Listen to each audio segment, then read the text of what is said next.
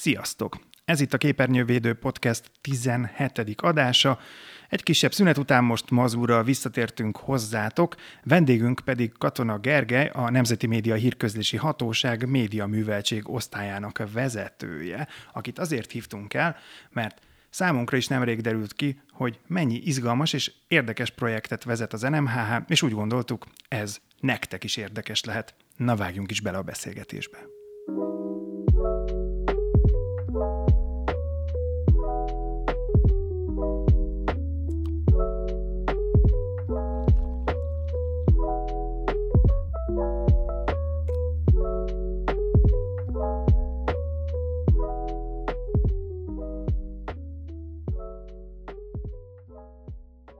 Képzeljétek el, hogy mi a Gergővel, kedves hallgatók, Gergővel mi a Plate nevű rendezvényen találkoztunk először, ahol Mazúr és jó magam vezettük az NMHH-nak a színpadát, illetve mi a moderátori körben, és egészen hasonló beszélgetéseket folytattunk le a színpadon meghívott szakértőkkel, mint amit így szoktunk a Képernyővédő podcastben. És volt csomó nagyon-nagyon jó téma, de a legnagyobb ilyen ilyen felismerés és feleszmérés számomra az volt, amikor kiderült, hogy az NMHH egyébként mennyi olyan témával foglalkozik, amiről én, és nyilván ez az én szegénységi bizonyítványom, hogy én nem tudtam, hogy van egy olyan hatóság, akinek már a nevével is, hogy a hatóság, az olyan, olyan úgy hangzik, hogy, hogy, hogy, az ember akkor azonnal összecsapja a sarkait, meg hogy azt olvassa általában a sajtóban, hogy akkor megvágták a valamelyik tévéadót ezért és azért. Uh-huh és közben történik számtalan olyan program és prevenció és oktatási kezdeményezése, ami, ami nagyon-nagyon érdekes, és ez emiatt nekem ez a legutóbbi ez nagyon izgalmas két nap volt.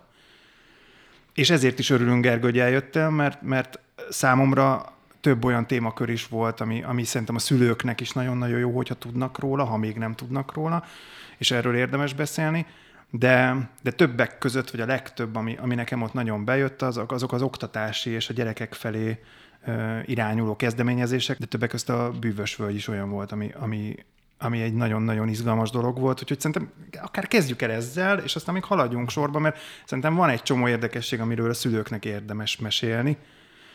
Neked hogy jött a bűvös völgy az életedbe?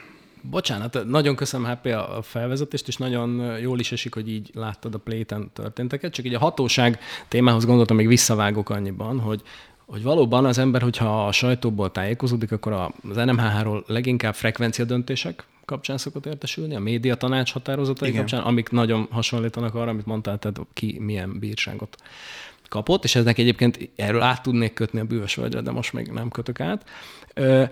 Viszont tagadhatatlan, hogy a, hogy a hatóság nagyon régóta ennél sokkal aktívabb szerepkörben képzeli el magát, kicsit úgy, mint a fogyasztónak egyfajta ilyen külső támogatóját, egy ilyen erős fogyasztóvédelmi attitűddel a szolgáltatók túlerejével szemben. Tehát be kell tartatni szerződéseket, meg kell nézni, milyen feltételekkel juthatnak hozzá az infokommunikációs javakhoz a magyar fogyasztók, és minden lehetséges módon támogatni őket abban, hogy a lehető legtöbbet tudjanak ebből kihozni.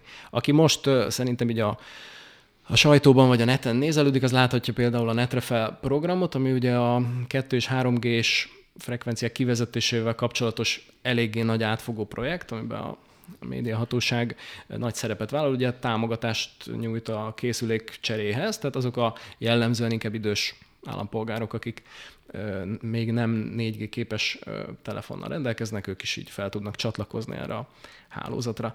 A másik szempont, amit akartam mondani, tehát ezért van ez az aktivitás, hogy akkor ö, ne zárkozzunk be a hatósági eljárások körébe, hanem legyen ennél jóval több. Hogy ezen kívül pedig ugye az lehet még egy ilyen alapvető felfogásunk a hatóságról, hogy ez a régi típusú médiának van elkötelezve. Rádió, tévé, lekérhető szolgáltatások esetleg.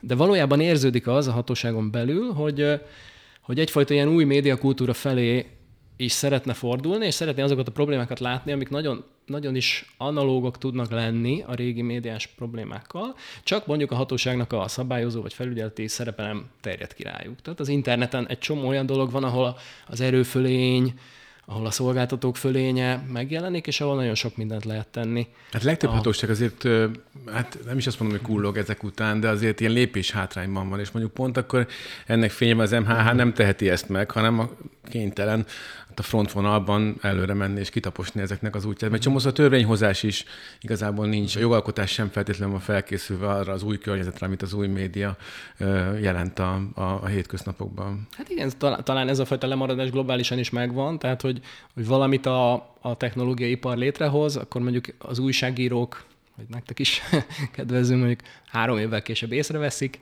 és akkor Ez a... kedvezett nekünk? Nem, nem, úgy, nem úgy hangzott. fel És egy további öt évvel később a, a szabályozók is valamit kitalálnak. Nem biztos, hogy mindent be kell gyűjteni a szabályozásnak a, a hogy is mondjam, ilyen ö, esernyője alá, vagy hogy mindenre kell szabályozás, de hogy, de hogy a problémákról érdemes ö, elemzőleg beszélni, és hogy egy hatóságnak lehet feladata az, hogy ez tegye, az, az biztos. És... Pont, pont bocs, bocs, csak ez jutott eszembe, pont voltam nálatok egy szakmai beszélgetésen, és arra emlékszem, ültünk páran az asztalnál, több kollégáddal is, akik éppen ott voltak, és csak úgy fölmerült ez, hogy a, vajon a videójátékoknak a, a különböző fogyasztókra ható módszertanát, mint például a lootboxok, a mikrotranszakciók, a free-to-play játékoknak a, a, azok a megkötései, amivel a, a usert próbálják egy bizonyos sodorban tartani, a figyelmét, apró az idejét. részek és kis Az apró betörése, az EULA, amit csak kipipálsz és nem olvasol el, a, a különböző skinek, évadpasszok, reklámhasználat, stb. stb. Tehát rengeteg olyan dolog fölmerült, amivel nem hogy a szülő, de szerintem még a gyerek sincs tisztában, aki eszközt használ, vagy játékot használ, és hogy emögött egy, egy, egy meglehetősen nagyon ilyen előre rohant ilyen, ilyen módszertan van, amit még szerintem senki nem ért utól, és, és elkezdtünk így beszélgetni, és kiderült, hogy ott ült jogász is, ő egészen máshogy látta, ott ült különböző média tudós, most nem, nem, nem is tudom nevesíteni, hogy, hogy melyik kötöknek pontosan milyen szakmája van, de tök, tök jól látszódott, hogy, mindenki a saját szemszögéből egészen máshogy ítéli meg, hogy mondjuk bármilyen állami szervezetnek mennyire kéne belefolynia abba, hogy védi a fogyasztót. Meg tudjuk-e védeni az embert a saját hülyeségétől, ez mennyire az államnak a, a szerepe vagy nem szerepe. És nekem azt tetszett, hogy a legtöbben azt mondtátok, és bocs, hogy a szádba adom a szavakat, de hogy, hogy, hogy sokkal fontosabb az, hogy a prevenció és az oktatás és a, a fölkészítése a fiataloknak arra, vagy a felhasználónak az ilyen előkészítése arra, hogy ő képes legyen szűrni a tartalmat, képes legyen felismerni a dolgokat, és mondjuk tudatos döntéseket hozni, ne csak sodródjon felhasználóként az élményekkel, meg az ingerekkel, ami, amik érik őt. Az biztos, hogy vannak vitáláspontok, a, a, amennyire belelátok ezekbe a szakmai műhelyekbe, tehát különbözőképpen gondolkodnak erről a kollégák, de, az, de abban, abban biztos, hogy egyetértünk, hogy a, hogy a tájékoztatásnak lehetőleg a, a, nagyon jó kommunikációs megoldásokkal megtámogatott tájékoztatásnak óriási szerepe van, és abban bízom, hogy esetleg majd közösen éppen a gamer ügyben fogunk is tenni valamit. Ha visszakapcsolhatok az előző kérdésedben a bűvös völgyre, akkor annak mi köze van például a, a bírságokhoz? Hogy biztos felvetődött bennetek, hogy a, amikor ezeket a mondjuk a médiapiac vagy a hírközlési piac szereplőitől az NMH bírságot szed be, akkor mit csinál ezzel a pénzzel? És a rávonatkozó törvény szerint lehetősége van arra, hogy ezeket a bírságokat a, hát a megfogalmazás az úgy hangzik, hogy a tudatos fogyasztói döntéshozatal kultúrájának fejlesztésére folyt, oh. uh, fordítsa. Ez fedi azt, amit az előbb mondtál te is, Ápi, igen. igen. Tehát igazából, hogy tudatosabb, jobban odafigyelő, felkészültebb fogyasztókat képezzen, annak az összegnek a felhasználásával, amit a hibázó szolgáltatóktól begyűjt. És ez egy elég, szerintem ez egy elég hangulatos összefüggés. És kicsit más a... is lesz a színezete így annak, a, annak az egésznek, hogy nem csak úgy ezt elveszük, és akkor berakjuk egy szévbe, hanem akkor van, van belőle valami olyan dolog, ami meg pont a fiataloknak kedvez, és engemet pont ezért fogott meg a bűvös völgy. Hát és akkor hiányzik a, a, a, a magyar közéletből és a magyar oktatásból. Teljes egészében ebből igen. a finanszírozásból működik. Uh-huh. Tehát Na, a, amikor a, egy valóságsóban a korhatárbesorolási szabályokat megszegik, és abból valami büntetés származik. Akkor kicsit akkor az... ilyen visszás érzésem van, mert drukkolnunk kell, hogy valaki megpörgesse magát a reality showban, azért, mert abból a gyerekek tanulni fognak egy évig. Most, hogy mondod, igen, igen, igen, Tehát, hogy reménykedik az en, de ott úgyis előbb-utóbb... Valahogy a mélység szüli a magasságokat ebben a Lesz ott helikopterezés így, vagy úgy, úgyhogy úgy, úgy, úgy, úgy, meg lesz a forráson. Egyébként reménykedtem, hogy nem lövitek le az én mondandómat, mert mindenképp azt szúrtam volna közben pont a Play-it kapcsán, hogy, mert most már látom, hogy kezdtél ráfordulni fejben a, a bűvös völgyre. Uh-huh. Egyrészt majd mindjárt mondjuk el, hogy pontosan mi is ez, de hogy nekem a kedvenc beszélgetés, á, több kedvenc, kettő is volt, de az egyik kedvenc beszélgetésem az egyértelműen az volt, ami a bűvös völgynek és a Digic játékfejlesztő stúdiónak, a, illetve animáció, és uh-huh. ugye a Digic Pictures-en belül, vagy az a párhuzamosan létrejött egy egy, egy ilyen különleges projektekre szakosodott kis,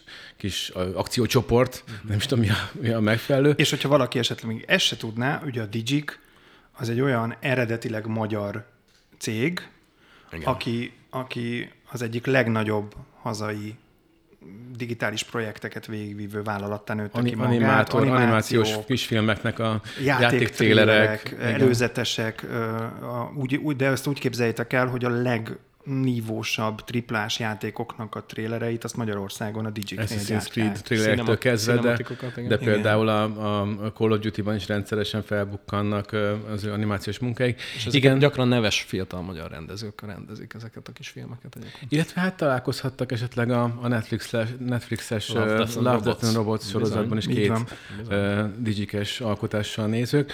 No, tehát, hogy, hogy, hogy például bűvő, azt tudtam, hogy van a bűvös völgy, van több helyen is, és ez egy médiaértés oktató központ, és majd erre mindjárt mhm. beszélgessünk, hogy ez mennyire fontos és mennyire uh-huh. hiánypótló tevékenység, már maga ez, hogy médiaértést oktatunk uh-huh. fiataloknak. De, de ott a, a, a Playten volt egy ilyen beszélgetés, ahol, ahol ott voltak a, a, a bűvösvölgynek oktatói, vezetői, illetve ott volt a, a DJ képviseletében egy, egy, egy kedves fiatalember, aki, aki megmutatta azt, hogy egy ilyen milyen, milyen, mi módon kooperált ez a két kül, külső szemlélő számára talán nehezen össze két, két cég vagy szervezet annak érdekében, hogy, hogy, hogy igazi élményszerű bepillantást nyerhessenek fiatalok, gyerekek abba, hogy, hogy hogyan működik, a, milyen kis trükkökkel működik a, a, a, a vizuális képalkotás. Szóval ez nekem abban a szempontból is izgalmas volt, hogy,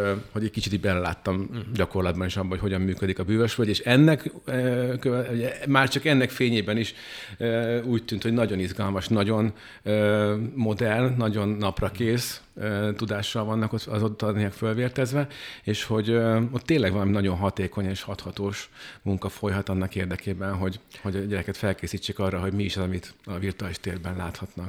Igen, amit kiemeltél, tehát ez az együttműködése az egyik foglalkozásunkhoz kapcsolódik. A, egyedülálló a bűvösvölgy olyan szempontból, mert vannak azért mintái így a világban, tehát vannak mondjuk Hollandiában, Dániában másutt is olyan központok, ahol mondjuk egy család besétálhat, és akkor ott rendelkezésre áll egy Greenbox stúdió, és felvehet kis filmet, vagy animációt, stop motion készíthet. De hogy a mi házunkban igazából egy, a, a média tényezőinek egy ilyen egy ilyen körpanorámáját nézheti meg, tehát hogy amikor az iskolás csoport eljön hozzánk, akkor részt vesz olyan foglalkozáson, amin a, a képek szerepét nézi meg, mondjuk tényleg hogyan beszélnek hozzánk a képek, miről győznek meg, hogyan vannak megkomponálva, a hang szerepét, készített reklámot, híranyagot, filmet forgathat, és a netbiztonsági dolgokkal is egy játékos módon foglalkozunk, tehát ez az ilyen átfogó szemlélet, ez mondjuk egyedülállóvá teszi. És az a legnépszerűbb foglalkozásunk a film, amely, amely egy ilyen háttérvetítéses technikával dolgozik, egy kicsit ez ilyen antik technika, emlékeztek, amikor a James Bond vezet, és akkor a háta mögé van vetítve. Kicsit szemcsésen az kicsit... utcakép. igen, igen. Esetünkben ugye ez nem vetítésként, hanem egy hatalmas monitoron van mögé vetítve, vagy hát sugározva egy kép, a, amely ugye a háttérben kanyargó utat uh, mutatja. Egyébként ezt mai napig használják például egyeken, most készülő mm-hmm. filmekben mm-hmm. és mostani produkciókban. És uh, a gyerekeknek akkor az a feladata, hogy beülnek a kocsiba, elindítjuk ezt a háttérvetítést, amiből egy bizonyos sztorinak a keretei látszanak, és nekik a dialóggal, ahogy ezt előre egy elgondolják, ki kell tölteni, meg értelmezhetővé kell tenni, mi történik itt. Ők miért ülnek ebben a kocsiban? Miért menekülnek? Miért üldözi őket ez a rendőrautó? Miért, milyen, hogyan keresik a parkolóhelyet? Szóval, hogy mindez mit jelent igazából, ezt kell kitalálniuk és eljátszaniuk. És ezt az egészet egy óra alatt összehozzuk velük.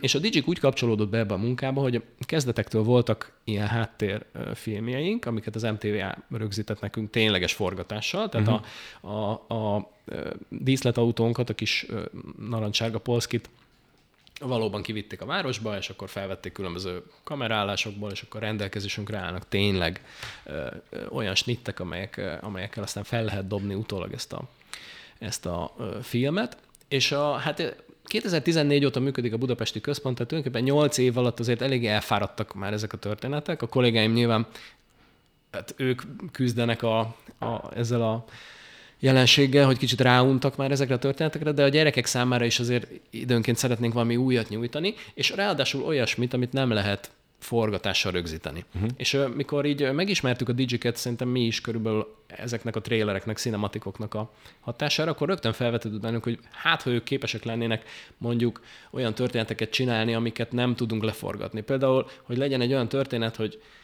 valakik elindulnak ezzel az autóval egy teljesen szolid természeti környezetből, és egyszer csak ilyen játékvilágból érkezett ilyen ö, szerényebb felbontású, ilyen kicsit ilyen duplószerű figurák. Ö, mint ha bekerültek fák, volna egy videójátékba. Mint hogyha bekerültek volna, mintha fokozatosan lépésről lépésre átkerülnének egy videójátékba, és hogy akkor vajon mit kezdenek ezzel uh-huh. a helyzettel. Vagy hogy, hogy mondjuk egy sivatagban eltévednek és bölények üldözik őket, ezt, ezt nem áll módunkban itt Budapesten leforgatni.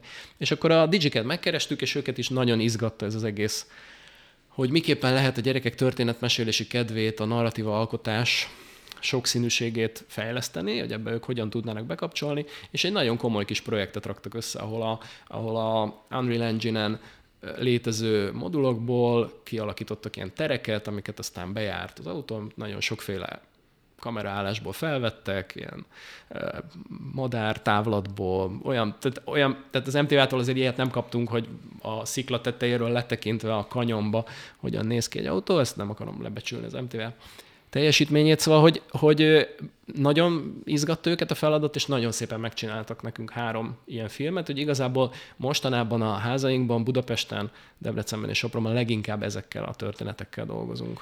És ha jól emlékszem, akkor volt egy kis polszki, egy valódi ö, Kispolszki volt, ugye? A maga, maga az autó. A díszletautó az egy Kispolszki. Ki van, ott van, az ki van, van, van mindegyik központot. Mindegyikben van egy, igen. igen. Mint egy mindegyikben van egy Kispolszki, tehát ezt úgy kell elképzelni, hogy a gyerekek beülnek egy valódi autóba, ami mögött most nem tudom, hogy akkor most monitor. green van, vagy monitor, monitor. van, monitor van, beülnek egy autóba, és gyakorlatilag eljátszák azokat a jeleneteket, amit ők megírnak előre, és ezt a digitális utómunkával, ugye az előre, előre elkészített ilyen virtuális világban ki, ki vágóképekkel feldúsíthatják Igen. azokat a jeleneteket, amit ők ebben a kis poszkiban ülve rögzítettek maguktól. Azt De együtt ilyen... is döntik el, hogy akkor melyik snit kerüljön. Ide tegyük, ezt nézzük meg innen a, a, a a gumiabroncs felől. A, Tehát akkor egyszerre kifarol... rendezők is, és szereplők is, és írók is Igen. ebben az egész történetben. És Igen. az a zseniális, ebben láttunk is, egyet szerintem nem is tudom, hogy van-e olyan link, amit majd beletehetünk a podcast leírásába, meg lehet nézni valami példafilmet. Ha van ilyen, ha, ha majd esetleg, akkor kedves hallgatók teszünk Tudjátok, hogy linket. az adatvédelemnek abban a korszakában igen, mondjuk élünk, amikor a igen, a gyerekek... készült felvételeket ugye nem adjuk közre.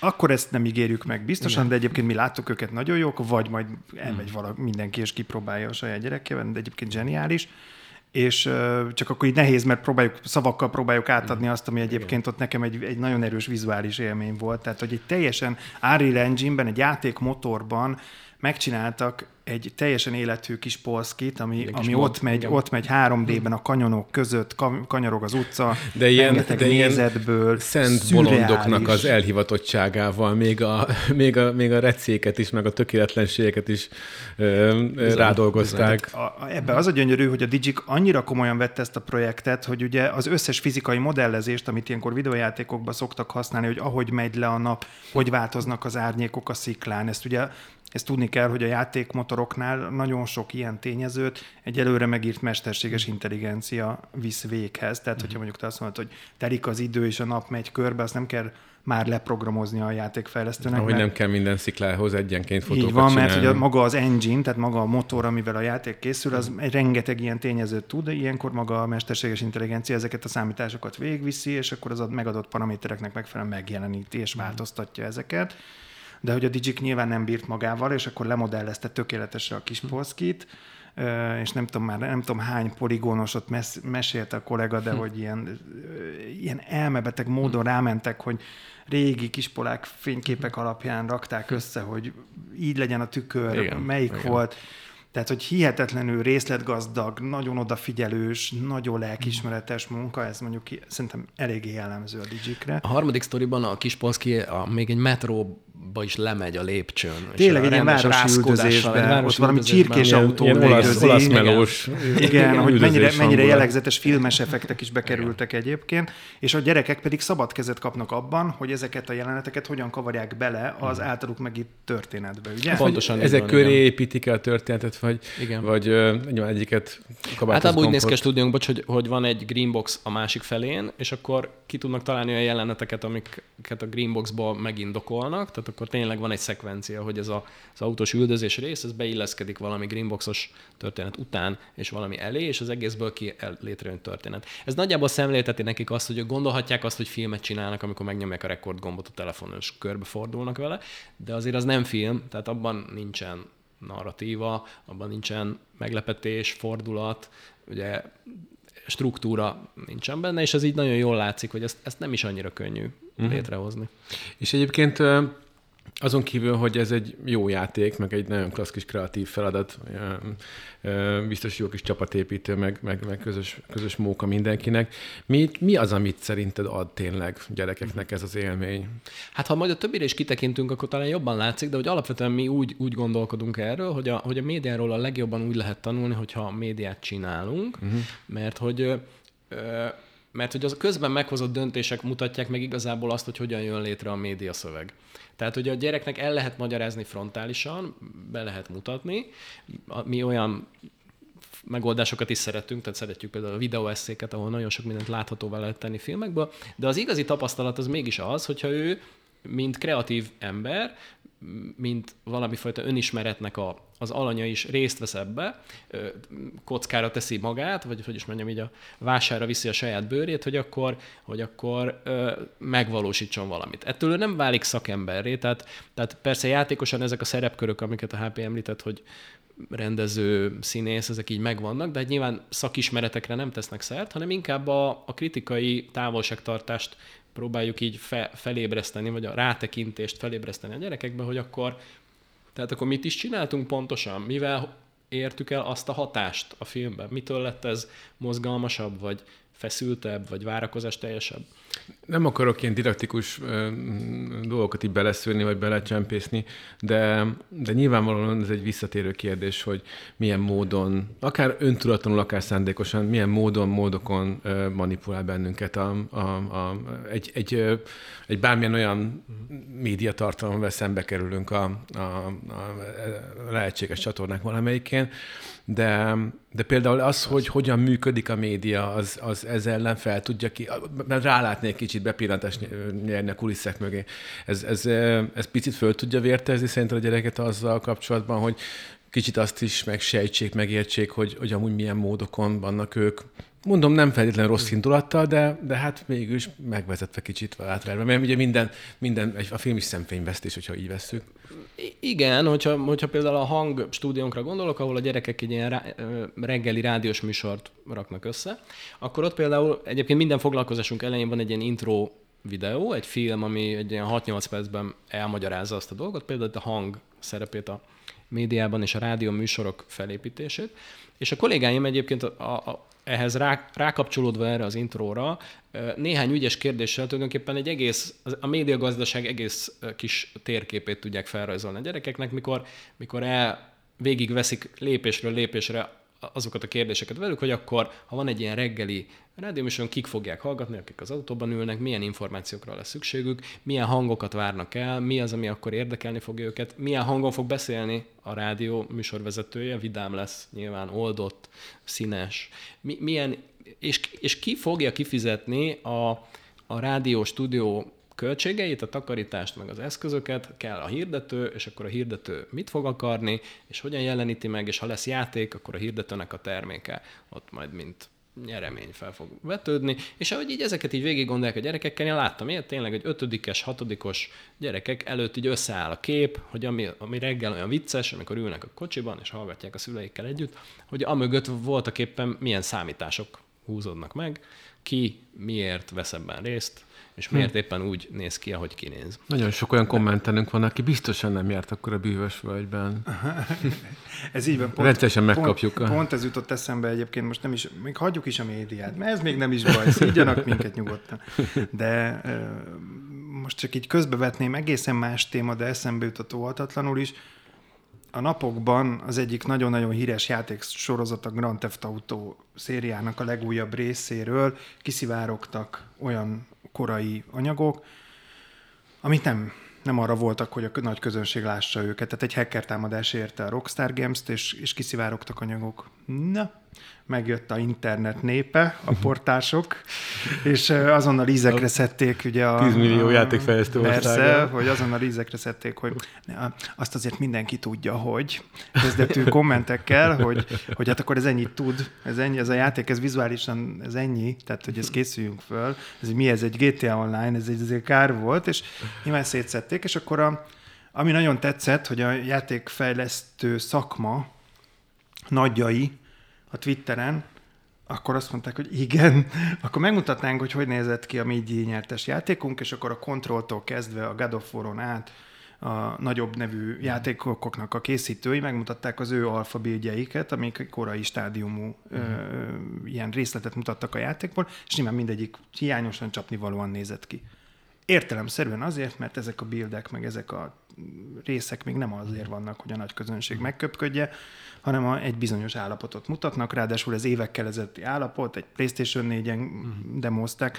Ezt most csak azért mondom el, mert mert pont az, hogy ha, ha, ha ez pontosan azt mutatja, hogy az átlag felhasználó mennyire nincs tisztában azzal, hogy az ő általa kapott tartalom, legyen az bármilyen fajta audiovizuális tartalom, Hogy készül? hogy készül, milyen stádiumai vannak, hogy jut el hozzá, milyen munka van benne, és amikor hátradőlve a köldökszöszünket kipiszkálva el, elmondjuk a világ nagy igazságait, hogy ő, mert csak azért, mert lehúznak Na, akkor minket. én a- megírom ezért. azt a kommentet. Én leírom, most, és most megírtam, most beletettem annyi effortot, hogy a világ megtudja az igazságot. Bögre, a bögrek célével, bögröcsüskével kipöckölöm a, a shiftet, hogy ne kelljen nem tartani. Igen, és akkor így nagybetűkkel oda hányhatom az igazamat. Az engem ez tényleg azért dühít, és látom is, hogy a szakma ilyenkor azért lesz dühös, és azért nem lehet ezeket a dolgokat félváról venni, mert persze le lehetne, uh-huh. vagy rá lehetne mondani azt, hogy, hogy ez igazából jó baromság, baromságot mondani, pedig mindenkinek joga van. Uh-huh. Csak az a baj, hogy hosszú ideje szerintem tudhatjuk azt, hogy a tények és a vélemények összekeveredtek a valóságunk zsákjában, mm. és, és, és sajnos most már bármilyen hülye elmondja a saját véleményét, akkor az, az egy olyan dolog, hogy azt egy csomó ember el is hiheti, mert megvan hozzá a, a fóruma, a területe, akár a követőtábora is még rosszabb esetben, és pontosan ezért nem mindegy szerintem, hogy a szakma uh-huh. ö, föllépjen és bemutassa, és hogy igenis a gyerekek tudják azt, hogy mi készül a rádióban, tudják azt, hogy mi, mi van a tévében, tudják azt, hogy egy online média hogy működik, és hogy mi, mi az, hogy clickbait, mert a clickbaitet sem a gonosz újságírók találták ki, akkor ezt most már magyarázzuk el ezt is a szülőknek, hogy nem azért használja ezt a világ, mert kitaláltuk mi villámfénynél a tenyerünket dörzsönve, hangosan kacagva, hogy Mert minden egyes kattintást egy kicsit így milyen, meg, milyen jó lenne, hanem ez egyszerűen azért, mert a média idomul a, a fogyasztók szokásaihoz, A ter- térhez, Okos- amiben működnie kell. okos ö, ö, és nagyon, nagyon szerencsés helyzetekben bizonyos pionírok ugye alakítják is ezeket a szokásokat, de egyébként alapvetően az igény hozza, tehát a kereslet határozza meg a kínálatot, és ez egy, ez egy baromi nagyon nehéz dolog. Mindig ez jut eszembe, amit, amit egymás között is mondunk, ilyen szomorú, letargikus, kiégett újságíróként, hogy a rossz főszerkesztő, kezdjük azzal, az olyan lapot csinál, amit ő olvasna. A jó főszerkesztő az olyan lapot csinál, amit olvasnak. És ez, ez ugye, ezt akkor mindenki elteti a, a, a, a, a polcon. Hát jó, ez egy ilyen arccal a kassa felé megközelítés nyilván, de azért rávilágít arra, hogy persze mindannyian szeretnénk olyan újságot csinálni, amilyet mi olvasnánk, de ezen kívül vannak egyéb szempontok is. De ez, ez messze menően médiaértési kérdés tényleg, amit mondasz. Ugye ez a media literacy köré szerveződik a beszélgetésünk, hogy amit így magyarul szoktak ugye média értésnek is fordítani, média műveltségnek is, ami kicsit ilyen, ilyen ódonabból hangzik, ilyen könyv, könyvszerűen, de hogy valóban bizonyos dolgokat érdemes tudni a, az előállítás módjáról, vagy abban részt is venni. Ha a literacy vesszük, hogy ugye írástudást, tehát média írástudásnak is lehetne fordítani, mert hogy a gyerekek például a közösségi médiában, meg ezekkel a digitális eszközökkel ugye szinte előbb kezdenek el írni, mint olvasni, tehát hogy mielőtt a komolyan elgondolkodnának a tartalmakon, bármikor létrehozhatnak tartalmat, képet megosztanak, írnak valamit a közösségi médiában. Szóval, hogy, a, hogy az, ez az írás tudás kérdés pontosan azt jelenti, hogy ha, ha megtanuljuk, hogy kb. hogyan kell megcsinálni, akkor jobban értjük, hogy mások hogyan csinálják, milyen szándék van mögötte, milyen szabályok szervezik meg a létrejöttét, hogyan dolgozik mondjuk a világban működő értékrendekkel, hogyan merít azokból, hogyan számít a közönség valami fajta eh, reakciójára, és hogy mondjuk miféle érdek, haszon, politikai vagy eh, financiális érdek eh, áll mögötte. Tehát, hogy ezeket, hogy ha, ha, ha a gyerekeknek a saját életkoruknak megfelelő szinten sikerül ezt így feltárni előttük, miközben játszanak, miközben egy élményszerű dologban vesznek részt, akkor nagyjából elvégeztük a feladatunkat. Szerinted egyébként az a generáció, akit mondjuk milyen, ilyen félváról, vagy nagyon általánosítóan nevezhetnénk TikTok generációnak is, aki már hamarabb tart... Az alfákra gondolsz? Mondjuk így. Hogy hamarabb gyárt tartalmat, jó, jó, jószerivel hamarabb gyárt tartalmat, mint hogy megérteni a tartalomnak a mikéntjét és a hogyanját, vagy a lényegét egyáltalán. Ő neki szerinted hogy tud még bárki átadni médiaértést, vagy média tudatosságot?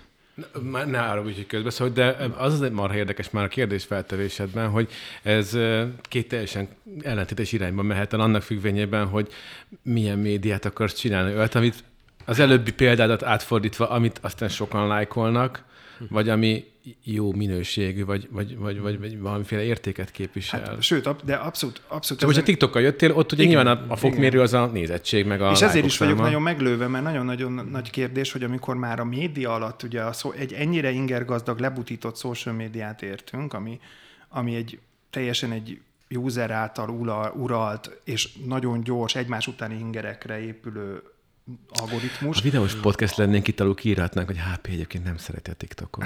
De, de nem, nem, nem, még csak nem is. Az a baj, hogy egyre több TikTokot nézek, és ez a Máté hibája, aki, aki rögzíti éppen ezt a beszélgetést, de ebben ne is menjünk most bele. Nevezzük szakmai ártalomnak, de, de igazából engem csak az érdekel ebbe, hogy látod szakmai szempontból is hányféleképpen el lehet veszni abba, hogy én a content creator-ként mm. hogyan értelmezem magam de azok az emberek, akik már a telefonjukat teljesen hétköznapi dologként, az életükbe való kapuként értelmezik azt, hogy mások nézik őket, és nem is zavarja őket, tehát a privát szféra is megszűnik, akkor még médiáról beszélünk? Igen, ezt tapasztaljuk, hogy, hogy a gyerekek nagyon kézenfekvően mozognak ezekben a terekben, és egyébként, a, és egyébként ezek a felületek tényleg kreatív lehetőségeket kínálnak nekik. Tehát, hogy én veled ellentétben lehet, hogy jobban szeretem a TikTokot, de hogy minden esetre, tehát, hogy olyan filmes trükköket próbálhatnak ki, amiket, amikhez mondjuk nem kell stábot szerezni, hanem, hanem így kicsiben, kicsiben lejátszhatják. Azon tűnöttem, hogy ki volt valami szakértő, mondta, hogy, minden, hogy olyan lesz, a, hogy ez az egész TikTok hogy is mondjam, ilyen short filmes világ olyan lesz, mint a, mint a néma filmek, vagy a, hogy mindenki minden túljátszik. Tehát, hogy ez, a, ez az alapjellemző tér vissza, tehát, hogy van egy ilyen ciklikussága ennek. De hogy, hogy igazából mi nagyon hiszünk abban, hogy a gyerekeknek van egy ilyen természetes kreativitás vágyuk, és hogy bármilyen eszközt adunk eléjük, nem biztos, hogy hogy az átlagot meghaladóan ki fog ugrani belőle valami teljesítmény, de hogy minden felületben fel tudják fedezni azt, hogy hogyan lehet vele ügyesen bánni. És a házainkban is az, azt tapasztaljuk, most tehát a három bűvös völgyben, hogy a, hogy egyáltalán nem kiszámítható módon tör fel belőlük a, a játékked, vagy a kreativitás, hogy a, amikor megérkezik egy iskolai csoport, itt csak annyit korrigálnék HP, hogy a családoddal nem tudsz eljönni a bűvösvölgybe, csak iskolai csoporttal, tehát pedagógus tud, pedagógus tud jelentkezni. Pedig szerintem egyébként ezt a szülők is nagyon szívesen kipróbálnák, ha lenne rá lehetőségük. Hát amúgy. igen, milyen, hát, Mennyire pedagógusnak. Igen, tele vagyunk, azt kell, hogy mondjam.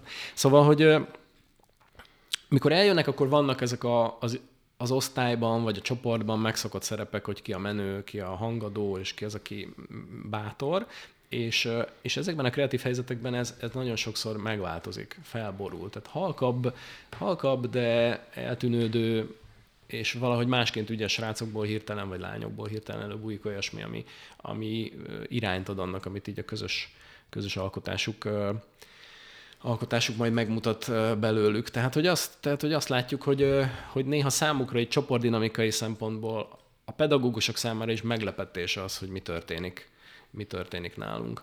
És azt hiszem valami ilyesmit kérdeztél, hogy, hogy lehet-e nekik tanítani. Persze, egy csomó mindent nem ismernek, és, a, és meg kell próbálnunk valahogy a, azt, amit elmondunk nekik, azt azokhoz a média tapasztalatokhoz kötni, amikkel rendelkeznek. Tehát ez a, ugye volt ez a, a médiaoktatásnak volt ez a, ez a súlyos hagyománya, amikor a kicsit ilyen kronológikusan a filmtörténettel, Eisenstein, olasz neorealizmus, stb. Ezekkel nem nagyon lehetett meg, megfogni a gyerekeknek az érdeklődését. Tehát nem fogják megnézni ezeket a filmeket. Van erről kutatás, egyébként magyar kutatás is, hogy, hogy a filmes emlékezetük nem terjed tovább a mínusz öt évnél, vagy három. Tehát, hogy a régebbi filmet nem fognak látni, vagy csak kivételes módon. Meg kell próbálnunk onnan közelíteni, a, amit maguk is szívesen fogyasztanak, és azokra, azokra analógiákat kitalálni, és azokból ötleteket kibontani, amiket maguk jól ismernek, amit, amit ők is be tudnak forgatni. Ezért is van a foglalkozásaink elején ez a beszélgetés az introfilm körül, ahol a, a kollégáim pont ezeket próbálják kipiszkálni, hogy akkor mit, mit gondolnak, mit ismernek, mi az, amit, mi az, amit már eleve tudnak erről a dologról, vagy amit rosszul tudnak, de minden esetre, amit, amivel érdemes párbeszédbe lépni. Azt mondtad, hogy sajnos a bűvös völgyben nem mehetnek a családok, ami azóta is nekem egy ilyen hm. karca szívemen, de, de azért van olyan dolog, amivel a szülők is tanulhatnak, azt gondolom, hanem is a bűvös völgyben, de mondjuk nyilván nálatok még van olyan szolgáltatás, amiről mindenképpen szerettem volna, hogy picit beszéljünk, mert mondom, nekem azon a Playten így elég sok új élmény Igen, ért, és, ez, és ez, az, az, azóta is dolgozom föl, hogy mennyi, mennyi közös pontunk van, ami, uh-huh. amiben közösen próbáltunk meg a szülők felé is kommunikálni. És ugye egyrészt nektek van egy hotline-otok is, ami, ahol, ahol be lehet jelenteni különböző dolgokat, és mondjuk erről én, én inkább megkérdeznélek, hogy inkább te mondj uh-huh. pár szót róla, mert szerintem ez is nagyon érdekes. Rengetegszer felmerült ö, különböző beszélgetéseken, amikor szülőkkel kommunikáltunk, uh-huh. akik, ö, akik megjelentek mondjuk rendezvényen, vagy akár érkezett kommentbe vagy e-mailbe kérdés, az, az az általános kétségbeesés, az a hova forduljak, kihez forduljak, hogy kapok segítséget, és, és én úgy látom, hogy nálatok van ilyen segítség, úgyhogy erről beszéljünk pár szót, légy szíves, mert, Igen. mert hát ha hasznos lehet a szülőknek. Igen. Ö, korábban néhány évig én vezettem ezt a szolgáltatást, valóban az a neve, hogy Internet Hotline, és ezen a néven is lehet megtalálni az interneten, internethotline.hu. Ugye itt az, a, az az alap probléma, hogy az, hogy, hogy az interneten rengeteg olyan sérelem történik, aminek az esetén jogsértés valóban fennáll, mondjuk a képemet felhasználják, vagy intim képet küldtem valakinek, és ez nyilvánosságra kerül, és szeretném, hogyha eltávolítanánk. Legyen ez a paradigmatikus eset. Hogy van ez a probléma, és jogsértés történt, és nyilván fordulhatok a rendőrséghez, de tudjuk, hogy ez az egész nyomozati jogi eljárás hosszú lesz, ö, rengeteg időt, türelmet fog igénybe venni, és közben az a sérelem, hogy ez a kép ott van, és engem ez bánt, ez fennáll. És akkor szerencsére létezik egy olyan alternatív megoldás, amit a, amit a, az EKER törvény, vagyis a, az elektronikus kereskedelmi szolgáltatások és az információs társadalommal összefüggő szolgáltatásokról szóló törvény ö, definiál Magyarországon is. Ezt az eljárást úgy hívják, hogy értesítés eltávolítási eljárás, tehát hogy ö, nagyon röviden tudom vázolni, nem vagyok jogász, tehát hogy kicsit darabos lesz, de Arról van a szó, hogy ugye az interneten bizonyos tartalmak vagy egy tartalomszolgáltatóhoz, vagy egy tárhelyszolgáltatóhoz kapcsolódnak. A tartalomszolgáltató az, aki maga létrehozza, mondjuk írok egy blogot, írok valamit, ami rágalmaz valakit, én ezért felelek. Ez teljesen nyilvánvaló. Ha valaki megkeres engem azzal, hogy amit ott írtál, az engem rágalmaz, akkor megfontolhatom, hogy eltávolítom onnan, vagy pedig szembenézek a jogi következményekkel. Ha tárhelyszolgáltató vagyok, aki hát tárhelyet biztosít mások tartalmainak, akkor nem tudhatom, hogy, hogy ott mi van. Van-e jogsértő, egy gyermekpornográf felvételek, van-e gyűlöletbeszéd, van-e bármi szörnyűség, ki, e, emberek kínzását ábrázoló videók, és így tovább. Viszont Viszont a, a törvény logikája szerint, hogy ha valaki szól nekem arról, én vagyok a tárhelyszolgáltató, és valaki szól nekem arról, hogy ott van nálad az a tartalom, látom, itt van a linkje, és szerintem ez jogsértést valósít meg. Attól a pillanattól fogva, hogy értesítettek róla, már felelek érte, tehát el kell döntenem, hogy akkor vagy szerzek egy ügyvédet, vagy pedig ö, hozzáférhetetlenné teszem. Tehát ilyenkor, bocsánat, de akkor ilyenkor a tárhely szolgáltatónak még van egy olyan saját köre, amikor ő mérlegel, hogy mit Igen. kockáztat, Igen. És hogy ezt eltávolítja-e. Persze. Ez az egész eljárás, amiről beszélünk, és itt ugye a hotline volna ez a köztes szereplő, aki ezt az értesítést elvégzi. Ezt minden állampolgár maga is megteheti. Én is akárkihez fordulhatok, hogy szerintem az a tartalmi jogsértős vegyed le. De a hotline ebben azért tud segíteni, mert már 14 ezer másik esetben segített, és már az ott dolgozó kollégák jogismerők, tehát akik jól tudnak Meg talán egy érvelni. komolyabban veszik, hogyha az NMA-tól jön egy, egy, egy értesítés, mint hogyha Hát ezzel nem valaki élünk vissza, és ráadásul ez nem, ez nem egy, tehát ez nem egy hatósági eljárás, tehát erre nem az AKR szabályai, hanem ez egy kérés, kvázi. Viszont tényleg egy megindokolt kérés. Tehát, hogy, hogy mi volnánk ez a köztes szereplő, aki, aki értesít a hozzánk forduló bejelentőnek az érdekében, és a tárhelyszolgáltató mérlegel, és lehetőleg eltávolítja azt a tartalmat. Tehát ez, ez volna így az alapmodell, ami elég jól működik most már több mint tíz éve. Eredetileg ezt a tartalomipari, a piac maga hozta létre ezt a, ezt a hotline, de 2011-ben átvette az NMH-nek a működtetését, és máig is ö, működteti. Felfejlesztette, van, vannak elemzők, akik ezen dolgoznak, van egy eléggé informatív ki, weboldal. tehát, bocsánat, ezt akartam Igen. Kérdezni, adtok ilyenkor ajánlást is? Tehát, hogy ti, ti, ti is mérlegeltek ebben? Ellenőrzitek az adott tartalmat, vagy csak továbbítjátok az ügyfélpanaszt? Természetesen ellenőrizzük. Tehát az elemzőnek az a feladat, hogy megnézi, hogy jogos-e. Ő, hát erről nem fog határozatot hozni, mint mondtam, de hogy ő a saját jogismerete, hát ezek ugye jogászok, akik ott dolgoznak, a saját jogismerete alapján eldöntő, hogy igen, ez nagy valószínűséggel megvalósítja azt a bizonyos sérelmet, és akkor a szolgáltatóhoz fordul. Először a tartalomszolgáltatóhoz, ha, ha, ha az hajlandó kommunikálni, ha nem, akkor a tárhely szolgáltatóhoz. És előfordulhat olyan is, hogy azt mondjátok a felhasználók, akik panaszt tett, hogy, hogy de ezt már mi saját hatáskörben látjuk, vagy saját magunktól tudjuk, hogy ez nem jogsértő, mert mondjuk teszem azt vélemény, Igen, ö, akkor, Igen. És nem rágalom. igen. Ennek a jogi különbségéről nyilván Hmm. sok, nem mindenki érzi ezt jól, vagy, vagy valami. Nekem, Igen, nekem nem- nem- sokáig magyarázták, hogy mi a rágalom és a vélemény között a különbség. Tehát az elemzőink valóban megvizsgálják a tartalmat, és annak megfelelően, amit látnak, visszajeleznek, és eljárnak, vagy nem járnak el. Tehát akkor nyilván mondjuk a szülő egy olyan helyzetben, amikor ő úgy érzi, hogy a gyerekét valami olyan inger érte a YouTube-on, a bárhol, a, egy blogon, valami, ami, ami szerinte ez agályos legalábbis, akkor, akkor tud segítséget kérni tőletek direktben. Pontosan, vagy ha, vagy ha kikerült valami tartalom a gyerekről, a gyerekről, vagy a gyereket aha. zaklatja valaki, vagy megpróbálja behálózni. Az zaklatás az ugye egy magánvádas eljárás, tehát nem tudunk helyette eljárni, de tudunk tanácsokat adni, hogy miket hogyan mentsen le, mivel hogyan készüljön és menjen el a, az illetékes rendőrkapitányságra.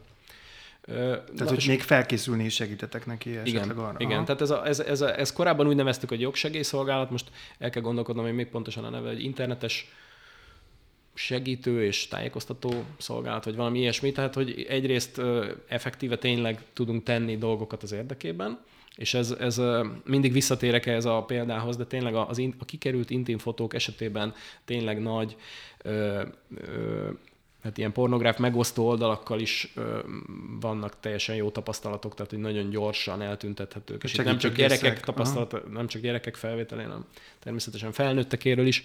Tehát, hogy, hogy ezeket komolyan, komolyan veszik a megkereséseket, és akkor hatásosabb így eljárni, mint, mint egyedül próbálkozni. Most ezt nem hivatalos álláspontot kérek, csak a te saját véleményedet. Jaj. Te hogy látod az elmúlt években, vagy akár azt mondod, ez most már hosszú évek óta a ti kezetekben van, a felhasználók mennyivel lettek tudatosabbak akár a panasztétel terén, vagy akár az, hogy meg tudják fogalmazni, hogy őket milyen sérelem érte, fölismerik-e egyáltalán, hogy sérelem éri őket. Tehát szerinted fejlődött a magyar magyar társadalomnak mondjuk így ez a, ez a uh-huh. média tudatossága, a content tudatossága, vagy törvénysértés tudatossága? Ja, változott a közönség összetétele is, úgyhogy nehéz lehet ezt megbecsülni. Igen, hát nagyon óriási a látencia, tehát ugye itt összesen 14 ezer esetről beszélünk, egy ilyen csendes, folyamatos emelkedést látunk, ami ugye arra mutat, hogy egyre többen tudják, hogy lehet használni ezt a szolgálatot, és egyre többen használják is. A pandémia alatt volt egy kiugró növekedés, és egy bizonyos kategóriában, a gyermekpornográf felvételek kategóriájában ez, ez, ez a, a hotline tevékenységének ma is a, az ömét ez, ez, ez, ezekkel kapcsolatos eljárások jelentik. Tehát körülbelül a, hát most megpróbálok visszaemlékezni, de tavaly talán több mint 5000 bejelentés érkezett, és abból annak a 70% a gyermekpornográf felvételre vonatkozott. Ez, ez annyiban is különleges kategória, egyrészt tényleg ez úgy látjuk, hogy ez lett így az, az internetnek a nagy rákfenéje, vagy amit mi ebben a sérelmi perspektívában látunk belőle, ez lett így a legszörnyűbb szörnyűbb ügy, hogy Ráadásul ez annyiban is kivételes kategória, hogy ezeket a bejelentéseket mind azonnal tovább küldjük a Nemzeti Nyomozóiroda vonatkozó részének, tehát ezek, ezekkel a, a nyomozó hatóság is találkozik minden esetben. Ők is ugye hát európai szinten építenek egy adatbázist, amiben ezek a képek bekerülnek, vagy ha újat találnak, akkor, akkor ezt össze tudják vetni azzal a állományjal, és akkor nyilván az áldozatok kimentése, a, az elkövetőknek a megbüntetése érdekében, vagy csak azért, mert mondjuk egy régi kép állandóan újra felkerül, és újra traumatizálhatja a rajta szereplő áldozatot, tehát hogy ennek az érdekében zajlik ez az átfogó munka, hogy, hogy ezeket, a, ezeket a felvételeket eltávolítsák, illetve azokat az oldalakat pedig elérhetetlenné tegyék, amelyek ezeket ö, megosztják. Ennek a, ennek a munkának a, az internet hotline is a része, egy InHope nevű ilyen hát társulás, egy ilyen hotline-okból álló társulás részeként. A, ezek között a hotline-ok között van egy olyan kommunikáció, hogy van egy, van egy közös, egy ICCAM-nek nevezett közös képadatbázis, ahová feltölthetik azokat a képeket, amelyeket ö, ö, a bejelentők hozzánk eljuttatnak, ö, és ugye lehet látni, hogy a, hogy a képeknek helyet adó oldal azt hol hoztolják, melyik országban, és annak az országnak a hotline-jának a figyelmét fel lehet hívni rá, az a hotline pedig felhívhatja rá a nyomozó hatóság figyelmét. Tehát tulajdonképpen ilyen keresztbe kasul ö, ö, értesíthetjük egymást arról, hogy a, az ő országukban lévő szervereken mit lehet találni, amelyekkel szemben ők ugye joghatósági ö, ö, szerepükben ugye fel tudnak lépni. Ez már egy kicsit átkötött a, a, a, a felnőttek felvilágosítására és oktatására, és amúgy is rá akartam volna kérdezni, uh-huh. hogy a Bűvös Völgy programjain mellett a, a, mi a helyzet a felnőttekkel, mert pont ahogy azt hiszem, hogy még mindig napi szinten tapasztalhatjuk. Volt egy, egy, annak idején mulatságosnak tűnt a cím alapján, de belegondolva kicsit egyáltalán nem volt az, hogy nem is a gyerekeket kell a legjobban félteni az internettől, hanem az időseket. Mm. És, és azért, azt, azért azt hiszem, hogy mindig érezzük, hogy hogy, hogy fura, ijesztő, veszélyes, és néha terepez idősebb, felnőttebbeknek is, nem csak időseknek felnőttek képzésével, az ő felvilágosításukkal foglalkoztuk bármilyen formában? Hát éppen a hotline-ból nőtt ki egy olyan weboldalunk, amit ha nem is az időseknek, de inkább a szülőknek uh-huh. hoztunk létre. A hotline weboldala önmagában inkább egy olyan tájékoztató fórum, ahol a, a bejelentési kategóriák mögötti jogi helyzetet lehet megismerni, illetve néhány problémára vonatkozó rövid cikket lehet elolvasni, de ott igazából nincsen tér arra, hogy a, hogy a problémákkal átfogóban foglalkozunk, és ezért 2020-ban létrehoztunk egy weboldalt, aminek az a cím, hogy gyerek a neten, a gyerekaneten.hu címen lehet elérni, ami kifejezetten szülőkhöz fordul, és ez egy ilyen szótárformájú weboldal tulajdonképpen.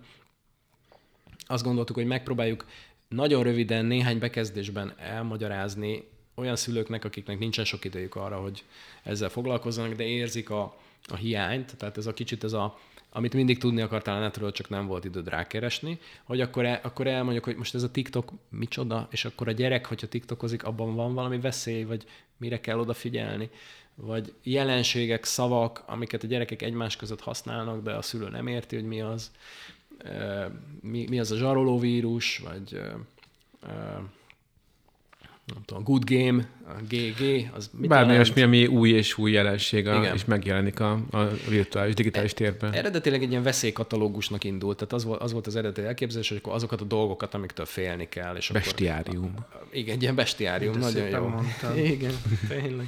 Borhes szellemek megjelent. Online bestiárium, igen. Tényleg. Mi és milyen főzetvéd ellene. És mi leszünk a piócás ember, igen.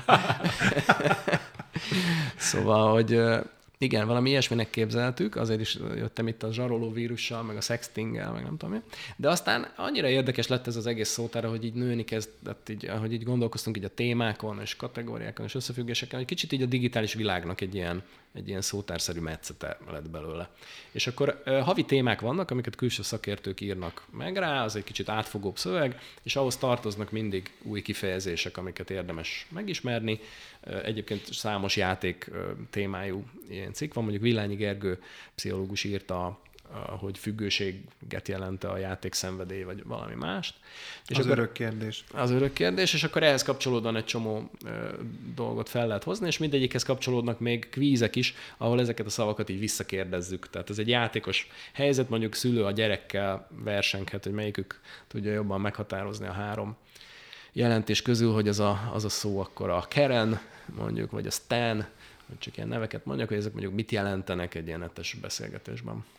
Hogy lehet ezekkel lépést tartani? Tehát én, én három gyerekem van, és, és, és nem tudom, mikor történt. Az, alapvetően elég sok időt töltök a neten, de, de, de valahogy elrobogott mellettem minden, és, és kifejezések. Rö- Tehát Röviden az, hogy sehogy. Ja, Én egy ideig megnyugodtam. adminisztráltam ezt az oldalt, és hogy hát nagyon pikírt leveleket kaptam gyerekektől.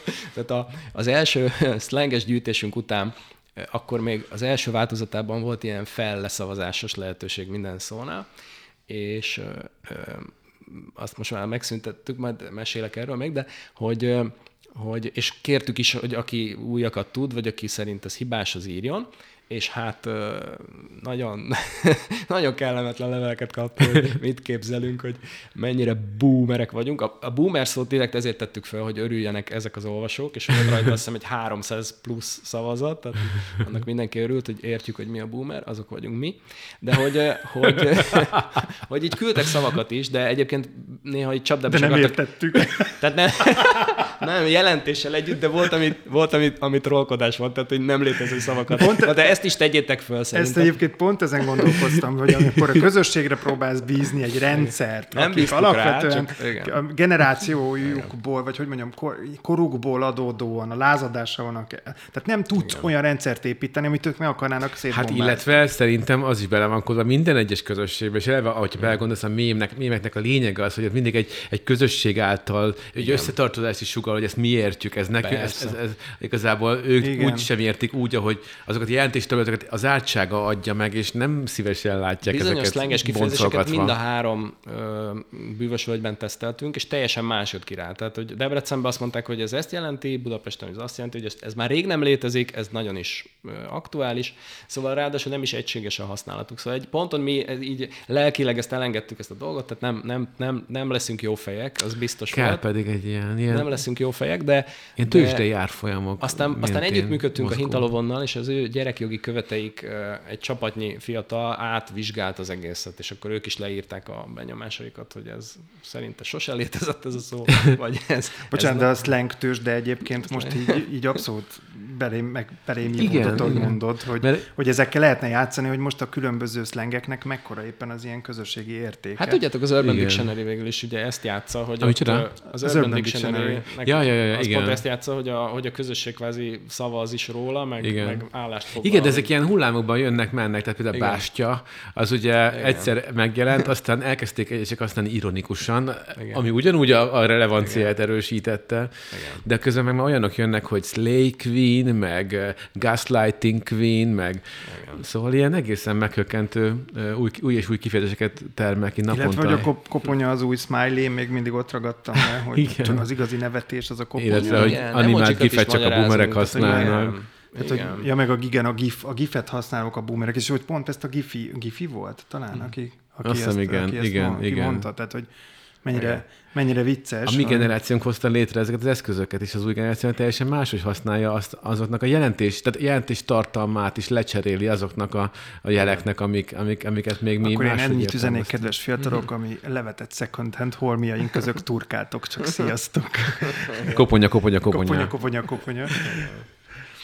Na, Hogy röhög, hogy röhög a, a stúdió legfiatalabb tagja, aki Igen, itt közben a, nem, a technikusunk nem halálra szégyenkezik, röhögi nem magát. szégyenkezik meg- miatt. Ez volt az oldalnak az insight egyébként, hogy úgyis mindig állandóan azt mondjuk, hogy tessék beszélgetni a gyerekkel a digitális tapasztalatokról, hogy akkor, akkor nézzük meg a közös nyelvet. Tehát milyen szavakkal beszélgessünk. Tehát mit, mit jelentenek azok a szavak? Mit használnak a gyerekek? Mit értenek ebből? De a ez egy örök harc, nem? Hát ha mi elkezdjük használni ezeket a szavakat szülőként, To- át kell- tovább kell menekülni. abban a pillanatban lesz elavult és halálosan A ciki. gyerekeim sikítoznak, mikor, mikor beállítani. Néha, mikor meg direkt rosszul is használom őket, azt, attól pedig megőrült, ez falat kaparják. Ez egy viszonylag könnyen kiátszható és piszkálható rendszer, ez úgy érzem. Szerinted használom, piszkálom? Persze. De jó, de alapvetően ugye mégis az a helyzet, hogy, a, hogy ez a netes világ kicsit olyan, ahol itt a boomerek és a alfák találkoznak, hogy, hogy, hogy a szülőnek úgy kéne tennie, mintha ő lenne a tanár, de közben meg ugyanabba a suliba jár a gyerek. Uh-huh. Gyerek. Ő is ugyanarra használja a netet, szórakozik, keres, tanul, mindenféle dolgot, Egyébként pont- kapcsolatot tart. Már nem is emlékszem, hogy ki mondta, van, amelyik képernyővédős kedves vendégünk mondta ezt, hogy, hogy a, a, a generációk egymásra hatása az pont egy nagyon hasznos dolog tud lenni. Tehát, hogyha ezt, ezt a különbözőségünket jóra használjuk, és fölismerjük azt, hogy mi nem egyformák vagyunk, hanem különbözően vagyunk szépek, akkor a gyerek nagyon sokat tud segíteni a szülőnek, a szülő pedig rengeteg dolgot tud tanítani a gyereknek, hogyha és akkor mind a kettő bele tud adni valamit ebbe a közös ilyen értékpúlba, amiből aztán Hát építkeznek. amennyiben bárki is akar itt tanulni. Mert ott mondjuk az a Hát, szándék csak az, ez egy ami jó a... kérdés, hogy igen, hogy van-e szándék, tehát hogy a szándéknak a megteremtés, és akkor talán itt már ki is vezetném a végjátékra ezt a beszélgetést. Csak még egy érdekeséget hadd szúrjak be, ezt Na, csak nektek parancsolj. akartam, hogy a, mondtam ezt a downvotot, hogy, hogy mi volt a leg, legdownvotoltabb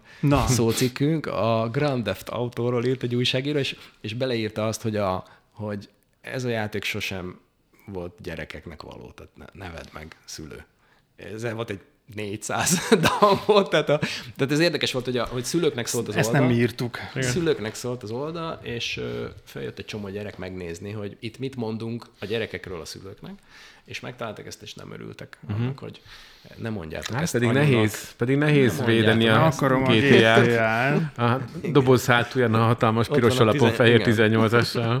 Igen, pontosan. Szóval igazából erre akartam csak kifuttatni, hogy, hogy ez, amit a Mazur mondott, az igény, hogy, hogy igény legyen tanulni erről az egészről, vagy igény legyen a, akár a médiaértésről, akár a szülőben, ott legyen az igény, hogy megértsem ezt az egészet. Tehát minden, ami, amit e- ti tudást és segítséget tudtok nyújtani, szerinted az erre való igényt hogy lehet feltámasztani az emberekben? Legyen az gyerek, szülő, bárki. Hát Mit tudunk, mit tudunk tenni, hogy, hogy Szerintem érdekes tartalmakat kell csinálni ezekről a dolgokról. A bűvösvölgy.hu oldal média szertár nevű rovatát nagyon nagy kedvel ajánlom mindenkinek. Nagyon jó cikkeket írnak oda a kollégáim, ahol, ahol ö, olyan média részleteket igyekeznek megmagyarázni, vagy így elemezni, vagy érdekessé tenni, amelyekkel a gyerekek is szívesen foglalkoznak. És a másik válasz pedig az, hogy, a, hogy az érdeklődés fel fog ébredni. Tehát ahogy a, a szülők azt tapasztalják, hogy a gyerek elmerül valamilyen világban, ahova neki nincsen bejárása, mindenképpen meg ö, akarni fognak tudni valamit erről. Mi nagyon bizakodók vagyunk. Azért egy kicsit olyan ez most számomra, úgy tűnik legalábbis, de ez egy abszolút csak egy benyomás, hogy, hogy pont ez, hogy ők a maguk módján használják ezt a jelrendszert, meg ezt a, ez, ezeket a, a lehetőségeket, amiket a, a, az online kommunikáció ad, mint hogyha ilyen titkosírásként is tekintenének rá, egy picit törekednek is arra, hogy ez ne legyen feltétlenül a, a, a szülőknek, az idősebbek, a boomerek számára ez érthető. De, de lehet, Minden hogy... bizonnyal. És igazából ezért, ezt, azért ezért mondtam, hogy akarnak-e tanulni, tehát hogy nem biztos, hogy akarják, hogy értse ezt a szülő, hogy ők ö, hogyan, mint mi, mi Nem is biztos, hogy a nyelvet kell érteni, vagy a jelrendszert, az is elég, hogyha csak legalább van, azt, azt értem, hogy én hogy tudok ebbe legalább egy picit védőháló lenni. Hogy, hogy lehet esetleg arra fölhívni a figyelmet, hogy bármennyire is úgy érzed, hogy aki már titkosírást ír, az valószínűleg már érzi magát annyira benfentesnek, hogy kicsit úgy tekinti talán, neki nem, erről nincs mit tanulnia. De hogy lehet esetleg azt a, az igényt fölpiszkálni a gyerekekben, hogy azért mm, akarnak egy picit mögé nézni, vagy, vagy, vagy higgyék el, hogy van még mit azért erről tanulni. Van egy olyan foglalkozásunk a bűvös vagyban, amit netkockázatnak nevezünk, ahol a gyerekeket egy ilyen választásos videó folyamon vezetjük végig, belekerülnek egy történetbe, valami furcsa dilemma alakul ki, aminek a nyomán valami sérelem támad, és nekik kell eldönteni, hogy mit tennének ebben a helyzetben, és több szavazáson keresztül jutnak el aztán a végeredményhez. És azt mondhatnám, hogy, hogy ahogy a gyerekek a saját döntéseikként kezdenek gondolni ezekre a fajsúlyos, felelősségteli döntésekre, hirtelen borzasztóan érdekessé válik számukra ez az egész. Tehát, hogy azt hiszem, hogy a, hogy a játékos bevonódás, voltaképpen ennek a fajta módszert annak a, a rövid összefoglalása az, ami, ami a gyerekek számára is érdekessé teszi azokat a kérdéseket, amikről azt hitték, hogy nem azok. Urak, szerintem eljutottunk ahhoz a ponthoz, ahol én azt mondanám, hogy köszönöm, mert ezt a végtelenségig lehetne még húzni, és még lehet, hogy fogunk is beszélni. De szerintem ha nem most, is a végtelenség. Ha nem is a végtelenség, de, de egy új adásban, mert maradtak még nyitott kérdések, de, de szerintem már ez egy nagyon jó irány, hogy, hogy a szülők akkor utána tudjanak nézni a bűvösföldnek, az internet hotline-nak és a gyerekaneten.hu oldalnak. Köszönjük megtisztelő figyelmeteket! Szokásunkhoz híven szolgálati közleményként jelezném, hogy... A kék BMW, kis... ami a bejárat előtt áll. Igen, a, ott van a kis, kis kék, kék BMW-nk a Facebookon, ami e, meglehetősen üres, úgyhogy gyertek a Facebookra, ti boomerek, akik hallgatjátok ezt az adást, és uh, lájkoljatok, és szóljatok hozzá, és osszátok meg, és csináltok minden algoritmus serkentő dolgot, amitől előrébb megyünk. Ez, meg, ez váratlanul őszinte lett ez a, ez a felhívás. Média, médiaértésről van szó, itt a műhely titok, mindenfajta aktivitás. Interaktáljatok, interaktáljatok. engagementre van szükségünk. Így van, na de viszont ami az igazán hasznos engagement, hogyha írtok is nekünk, és kérdeztek, és véleményt mondtok, és esetleg a dobtok föl témákat, amire tudunk majd podcastet tervezni itt a képernyővédővel. Állunk rendelkezésetekre, köszi szépen nektek, sziasztok! Köszönöm szépen! Sziasztok! Sziasztok!